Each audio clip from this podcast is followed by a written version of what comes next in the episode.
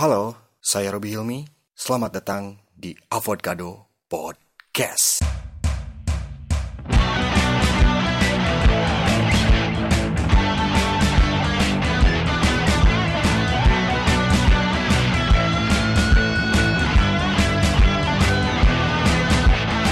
Halo, balik lagi di Avocado Podcast. Hari ini, di episode ini, saya nggak ngelanjutin dulu segmen nelpon temen karena saya mau jawab-jawabin pertanyaan-pertanyaan yang udah masuk di Instagram dan Twitter. Ya meskipun kebanyakan pertanyaannya nggak bermutu sih. ya nggak apa-apa lah, saya jawab aja sekaligus ini bersilaturahmi dengan para pendengar. Oke, dari Ed Gita Nur katanya cowok tuh pernah nggak ngerasa insecure dan biasanya karena apa? Oke, saya jawab. Kalau saya pribadi, karena saya nggak berani ini ngewakilin cowok pada umumnya gitu, takutnya enggak juga. Kalau saya sering banget insecure sebenarnya. Apalagi kalau urusannya udah e, tentang karya. Karena saya tuh kan nggak pedean gitu orangnya. Ya meskipun e, sering ngupload karya gitu, tapi dibalik itu ketika saya mau ngepost eh kadang mikir ini layak apa enggak sih? Ini bagus apa enggak sih? gitu. Ini dapat dinikmati orang apa enggak? gitu. Kadang takutnya malah jadi omongan orang atau jadi komen-komen negatif untuk karya saya dan bikin saya malah kapok untuk berkarya. Tapi di sisi lain saya juga selalu percaya bahwa setiap karya punya penikmatnya masing-masing dan akan menemukan penikmatnya. Jadinya saya meskipun ngerasa bahwa karya saya jauh nggak ada apa-apanya dibanding karya orang yang keren-keren dan wow gitu, tapi ya udah saya post aja, saya publish aja karena saya juga berkarya untuk diri saya sendiri, untuk kepuasan saya sendiri. Ya udah bodo amat gitu dengan omongan orang karena mungkin juga untuk uh, karya yang bagus dan baik menurut saya maksudnya penilaian saya terhadap karya-karya dari seniman yang uh, udah berkelas gitu mungkin itu juga hasil dari perkembangan atau pembelajaran dia dari nol gitu dari sebelum dia bisa berkarya dan menghasilkan karya yang wow gitu. Kayak gitu Terus selanjutnya dari Ed Irlia Fadhlurah. Katanya kapan aku sold out kakak? Ya nggak tahu lah. Kok nanya ke aku sih? Emang aku siapa? Bapak kamu? Aku biro jodoh. Teing atuli Ya mungkin karena kamu terlalu sombong. Enggak deh. Ya mungkin karena kamu terlalu menutup diri mungkin. Karena sebenarnya cewek kan pada umumnya hanya nunggu-nunggu aja nggak bisa memulai. Kayak cowok nyari cewek terus nembak gitu.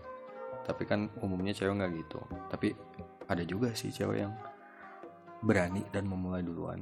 Ya cuman kalau kamu udah nggak tahan-tahan banget nah li ya udah mulai duluan aja. Sold outin dulu sama sendiri gitu.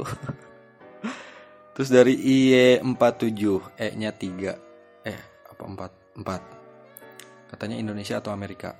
Waduh ya udah pasti Indonesia lah.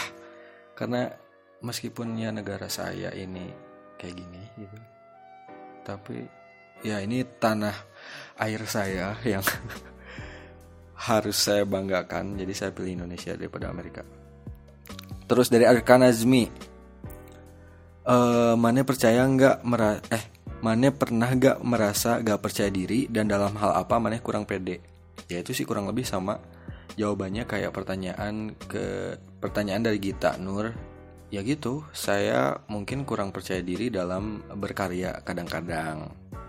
Karena sempat juga misalnya udah berkarya yang uh, memakan waktu dan tenaga yang cukup cukup uh, banyak tapi akhirnya saya hapus atau saya ya udah buang aja gitu.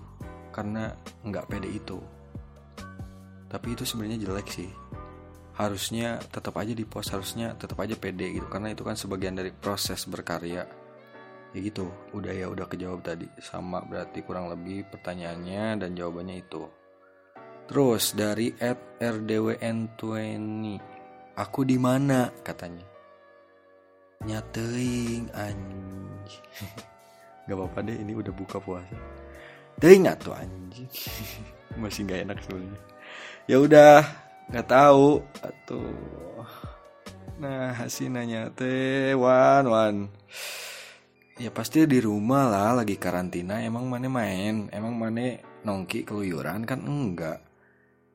Iya kan? Ya orang nebak-nebak aja sih. Gitu.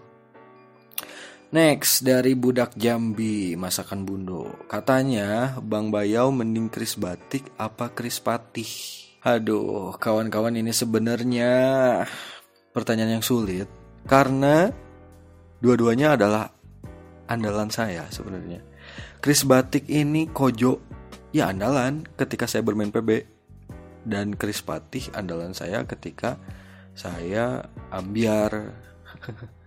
Jadi saya nggak bisa milih itu ya, budak Jambi.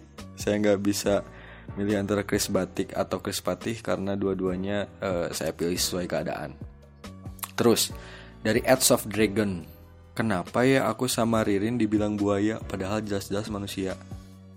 Ih, anjing nggak nyadar banget ya dari sepak terjang juga orang-orang udah pada tahu ya nih si soft dragon ini karena emang udah senior udah kelas kakap di dunia perbuayaan ya pantas kalau disebut buaya bener nggak gitulah nggak usah nanya sesuatu yang sebenarnya udah jelas kayak gitu ya soft dragon terus dari Ednot Angsa Kins katanya Kenapa aku sering ditinggal pas lagi sayang-sayangnya? Kabatoy jawab ya, minta pencerahannya. Hmm. Ya, aku juga nggak tahu per, uh, apa cerita percintaan kamu kayak gimana. Tapi ya udah pastilah kalau kamu ditinggal pas lagi sayang-sayangnya berarti dianya nggak sayang. Karena kalau dua-duanya lagi sayang-sayangnya ya nggak akan ninggalin. Gitu sebenarnya.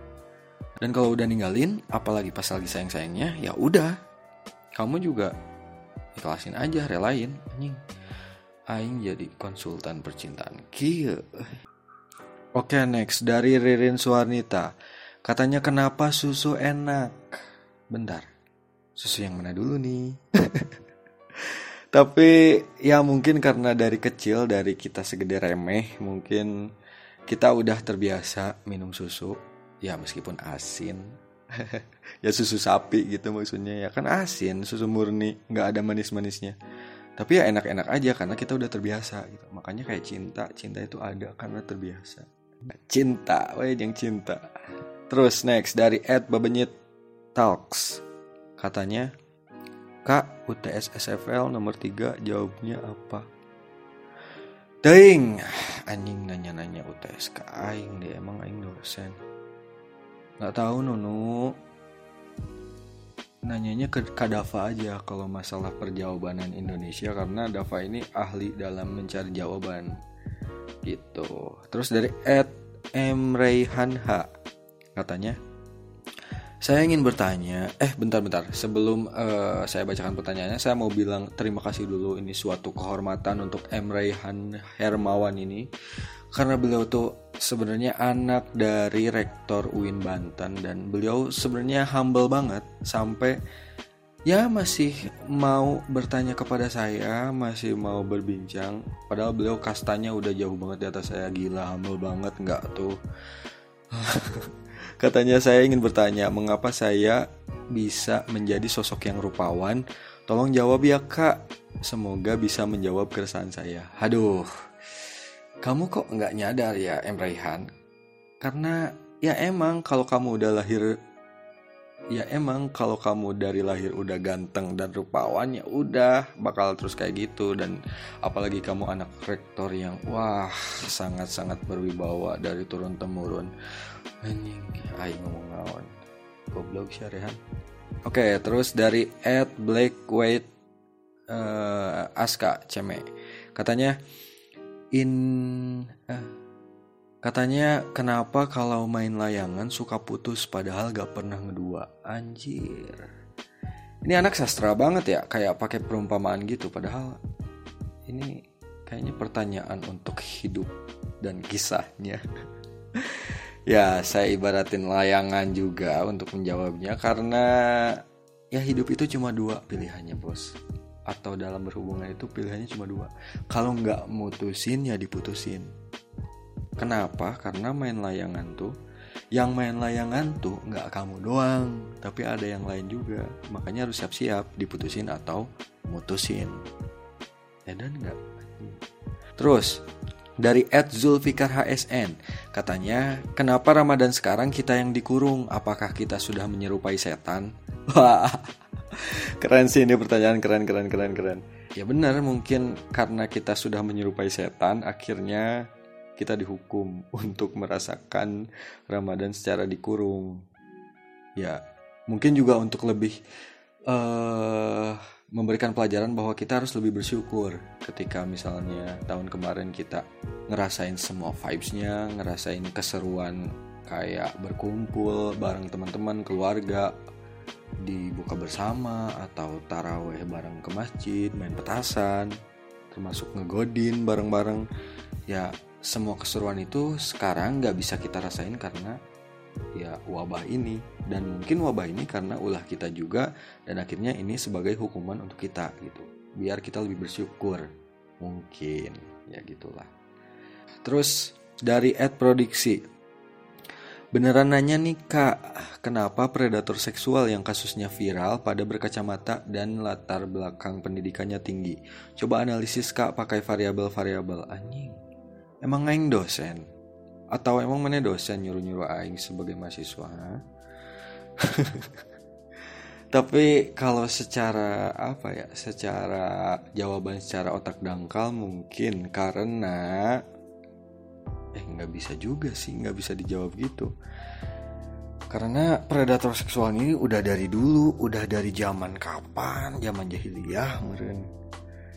Dan nggak semuanya berkacamata dan gak semuanya berpendidikan tinggi mungkin karena kali ini atau akhir-akhir ini kasusnya lagi naik dan kebenaran pada berkacamata dan berpendidikan tinggi ya secara tidak langsung kebanyakan kayak gitu mungkin. Tapi nggak juga deh kayaknya. Masih banyak kok ciri-ciri yang lain nggak selalu berkacamata dan berpendidikan tinggi dan yang berpendidikan tinggi pun banyak kok yang baik-baik gitu kak produksi kakak minta terus dari uh, Ed Kikoi LK katanya kak kenapa Padang Ceban sangat nikmat waktu bulan puasa Oke, saya jawab sebagai ahli Padang Ceban. Gak deh, itu tahun lalu karena sekarang saya udah taubat. Udah nggak mau gitu lagi. Kecuali kalau ada yang ngajak, hayu hayu aja. Enggak deh, bercanda. Ya karena mungkin di antara nasi-nasi dan daging yang penuh minyak itu ada setan-setan yang bergelantung dan menyelip supaya ketika kita memasukkan mereka ke dalam mulut itu terasa nikmat sampai nagih sampai ya prestasi setan-setan itu meningkat bertambah dan dia jadi setan yang pro gitu. Nah, aing ngajawab naon? Oke, okay, next dari Lusiko. Eh, apa gimana ya ini bacanya? Ya gitulah pokoknya dari Justy. Katanya bagaimana supaya kita terhindar dari stereotip orang-orang terhadap kita padahal kita tidak seperti yang orang-orang stereotipkan. Eh, uh, gimana ya? Kayaknya sih nggak bisa. Kayaknya. Menurut saya sih uh, setiap orang punya hak dalam berbicara, dalam memandang, dalam menilai sesuatu termasuk kepada diri kita sendiri tapi untuk tidak dibawa ribet gitu trik dari saya ya udahlah hidup mah hidup aja. Nggak nggak usah hidup untuk kemauan orang lain. Nggak usah hidup untuk penilaian orang lain. Bebaskanlah ekspresimu gitu. Kalau kata iklan mah. Ya karena nggak enak untuk hidup di atas kaki orang lain. Mending hidup di atas kaki sendiri. Bener nggak? Bener lah cek mah Oke, next terakhir nih dari @kumk23. Katanya gimana biar dia mati secepatnya? Anjing, ini psikopat nih yang nanya. Gak tahu, saya nggak mau jawab karena saya bukan pembunuh juga. Ini kayaknya kamu lagi ada masalah ya sama orang atau lagi dendam buat apa? Udah deh saya nggak mau jawab karena itu kalau saya jawab sekaligus saya juga memberi saran untuk kamu untuk membunuh orang gitu. Udah mungkin segitu aja yang bisa saya jawab-jawabin. Terima kasih buat teman-teman yang udah nanya meskipun ya pertanyaannya begitu memicu emosi tapi untungnya saya jawab ini sudah buka puasa. Sekali lagi terima kasih telah berkunjung di Avocado Podcast buat para pendengar juga. Saya seneng banget karena ini sedikitnya bisa ngobrol-ngobrol lah ya secara nggak langsung sama para questioner Oke, mungkin uh, segitu aja untuk episode kali ini. Tunggu episode-episode selanjutnya yang tentunya saya janji besok bakal upload uh, segmen di mana saya bakal kembali nelpon teman saya yang pembahasannya pasti asik banget nih. Oke, ditunggu. Saya Robi Hilmi dari Avocado Podcast pamit. Bye bye.